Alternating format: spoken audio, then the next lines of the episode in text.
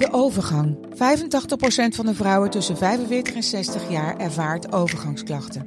Klachten die kunnen leiden tot een verkeerde diagnose of langdurige arbeidsongeschiktheid. Wat kun je doen als je overgangsklachten ervaart? Hoe maak je dit bespreekbaar op je werk? En als jouw medewerker bij jou komt, wat kun je als werkgever dan doen? Sector Instituut Transport en Logistiek heeft een kennisplatform ontwikkeld waar jij terecht kunt voor tips en adviezen. Wil je er meer over weten? Kijk dan eens op stl.nl/slash Dit is Strik Privé, de dagelijkse showbiz-update met Evert Zandgoeds en Jordi Versteegde. Normaal zou ik het aan een zwangere vriendin vragen. Hoe ver je bent. Ja, en nu? In het boek. Oh, Ja. ja. Ja, nee, ik, eh, ja. Nou, eh, ja, het leest lekker weg, moet ik zeggen. Oh, ja. Spare, reserve, zoals het in het Nederlands heet. Het boek van Prins Harry. Ik kreeg het gisteravond laat binnen op, eh, via de mail. En eh, ja, het is echt wel, ja, het is mooi. Het is Ja. opgedragen aan Meg, aan de kinderen en natuurlijk mijn moeder. En eh, ja, dan begint het te lezen met de dood van prins Philip. En eh, hij pakt je bij de hand en leidt je het hele verhaal in. En Ja. eh, ja, het is een flinke pil, 500 pagina's, ruim. Hm. En ja, het, het, het leest wel lekker, moet ik zeggen. Nou, ik vroeg me af, want we hebben de afgelopen dagen zoveel Ja, gehoord. Er is hoogte- veel uitgelekt. De hoogtepunten weten Ja. we al. Oké. Maar ja, nee, het, is wel, het, het is mooi geschreven, ik kan niet anders zeggen. Ja. Nu vroeg ik me af, hè, die kinderen, zouden die later blij zijn met dit boek? Nou, het is als opgedragen. Dus Ja. dat- Ja, maar ja. Ik weet het werkelijk niet hoe dit gaat aflopen. Dat zal er ook al af- afhangen of eh, Mac en Hair eh, nog steeds bij elkaar zijn tegen die tijd. Ja. Of dat, eh, dat dat ook nog de volgende afslag of nog een slachting wordt. Ja. Ik, ik, ik, kan, ik kan er geen zinnig woord over zeggen. Die koninklijke familie denkt, die denkt echt, was het maar 6 mei? En dan gaat de aandacht daar naar uit. Ja. Die reageren nergens op, joh. En volgens Harry gaan ze het boek niet eens lezen en de interviews niet bekijken. Dat lijkt mij sterk. Hm. Maar eh, ja, het is wel een bommetje natuurlijk. Hè. Je Ja. ziet eh, vannacht die, die rijen in Engeland. Mensen zijn er toch echt wel in geïnteresseerd. Ook al heeft iedereen het idee van nou weet ik het wel. Volgens mij wil ze het nog wel lezen. In het blad morgen hebben we ook de hoogtepunten nog op een rijtje. Hm. En eh, ja, het, het houdt de wereld wel bezig. Nou, jij bent natuurlijk uber geïnteresseerd. Maar denk je dat de gemiddelde Nederlander ook naar de boekhandel loopt vandaag? Ik hoop dat die. Nou ja, het is natuurlijk ook nog een flinke uitgave. Het is Ja. echt een flink boek. Dus ik geloof dat 30 euro, bijna 30 Zo. euro kost. En dan moet je wel hè? heel erg in geïnteresseerd zijn. Ja. Maar ja, er liggen ook nog een hoop cadeaubonnen bij de mensen thuis. Dus eh, ik, ik kan me voorstellen dat het wel gaat lopen. Ik heb begrepen dat de oplage in het Nederlandse alleen al 100.000 exemplaren is. Dus eh, dat is eh, heel behoorlijk. Voor een eerste druk is dat vrij uniek te noemen zelfs.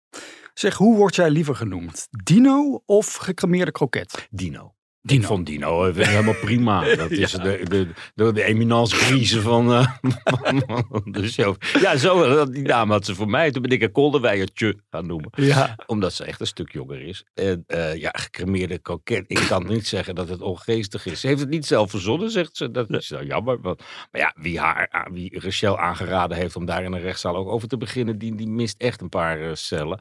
Want dat blijft natuurlijk nu altijd aan haar kleven, die, die bijnaam. En eh, dat is het tegendeel van wat ze wil. Jij voorspelde een lange zitting gisteren. Nou, dat werd het ook. Nou ja, het was geen kort geding. Het was echt eh, ruim, ruim twee uur, geloof ik. Ja. En ik sprak wel mensen die met hun oren hebben zitten klapperen de hele middag. Door alles wat uit de tafel kwam. Zeg, en alles wat erbij gehaald wordt. Om eigenlijk de aandacht af te leiden van waar het eigenlijk om ging. Ja. Heeft Rachel nou die brief van André aan Sarah van Zoelen gelekt? Dan wel niet. Wat is het? Ja of nee? Ja, ik weet niet hoe die, hoe die rechter daaruit... ik denk ook, maar dat heb ik gisteren... Dat niet staande is te houden tegenover de ontkenning van Rachel. Dat je niet duidelijk het bewijs hebt eh, dat, dat zij die, die, die brief gelekt heeft. Dat je, dat dan, eh, dat je zo'n zaak dan verliest. Ja. Maar ja, kroket, dat moet je wel kunnen zeggen. Voor, Ja. Al verdient het aanbeveling om te zeggen, ik vind, je, je lijkt op of ik vind jou net een. Dan, dan is het een mening. En de vrijheid van meninguiting, die hebben we in Nederland eh, hoog in het vaandel staan. Eigenlijk het belangrijkste wat gisteren ter tafel kwam, is dat Rachel via haar advocaat heeft gezegd dat ze wel degelijk op dit moment weinig contact heeft met André. Ja, ja, alleen dat zou dan al langer zijn dan voordat die brief gelekt werd. Ja, maar ja, maar ja. Het, het zegt dan ook helemaal niks. Is dat dan een reden om het wel te lekken of niet te lekken? Ik denk dat die rechter er niet uit gaat komen. En Hmm. ga- gewoon tegen Yvonne gaat zeggen van... nou ja, je hebt bewijs niet dat zij dat gedaan heeft. En eh, daardoor verlies je die zaak. Denk, denk Ja. ik hoor. Ja, nou, we gaan het op Bij de drie- volgende komt er alweer aan. Oh ja, in, ja. in februari. Ja, iemand zei gisteren, ja, Rachel die wilde met niemand praten. Die liep, net, liep meteen op de stoel af. Nou, die weet ze inmiddels wel te vinden. Ja, die stoel. Er Blindelings. staat haar naam hem op. Sta- God, ze heeft nog net geen eigen parkeerplaats. Op de Perdassus weg. Nou, Ja, precies. Op 23 januari schriftelijke uitspraak aan deze Ja. zaak. Ik kreeg gisteren, we hebben natuurlijk op, op vrijdag altijd eventjes aan Evert vragen. Maar ik kreeg nog een tussentijdse vraag binnen van iemand die zich afvroeg. Waar woont André dan op dit moment? Want eh, hij heeft ruzie met Rachel natuurlijk. We weten niet of hij wel of niet met Monique is. nee, Kun je daar eh, iets over zeggen? Hij is vaak bij Monique in, in, in Berkel-Roderijs. Dus Ja. ja. ja, het wachten is op het volgende aanzoek. ja, ja. precies. ja, dan heeft hij ook kerst gevierd. Hè? Dus eh, ja, nee, daar is hij wel weer kind aan huis. Kijk In zijn eigen huis. Wie niet meer kind aan zijn eigen huis is waarschijnlijk is Humberto Tan.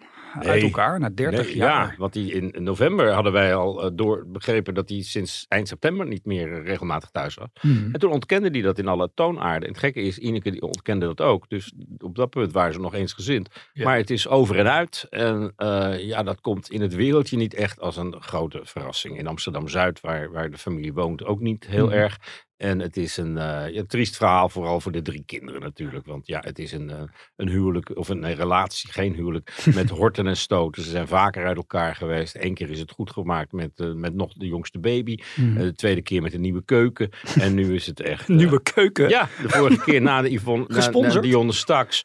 Toen eh, was hij ook weer thuis. En even later kwam de makelaar. Dan kwam, eh, zag je helemaal dat er een nieuwe keuken aangebouwd werd. Dus Ineke helemaal gelukkig. Ja. Maar ja, ik denk toch dat ze de langste tijd in die keuken heeft doorgebracht. Want ik kan me niet voorstellen dat eh, zij zonder samenlevingscontract... of in ieder geval zonder huwelijk daar eh, kan blijven wonen. Ja, want Ineke hebben we eigenlijk nog niet gehoord. Hè? Nee, Ineke wil niet. Ineke Hmm. wil er niets over zeggen. Mensen die gisteren de steun betuigden, die kregen een vriendelijk dankjewel. Twee van die opgestoken handjes tegen Ja. elkaar. En eh, verder zegt ze er helemaal niets over. Maar je kan je voorstellen dat het drama voor haar groot is. De helft van haar leven heeft ze doorgebracht met die man. Tja. Als hij, als hij er was tenminste.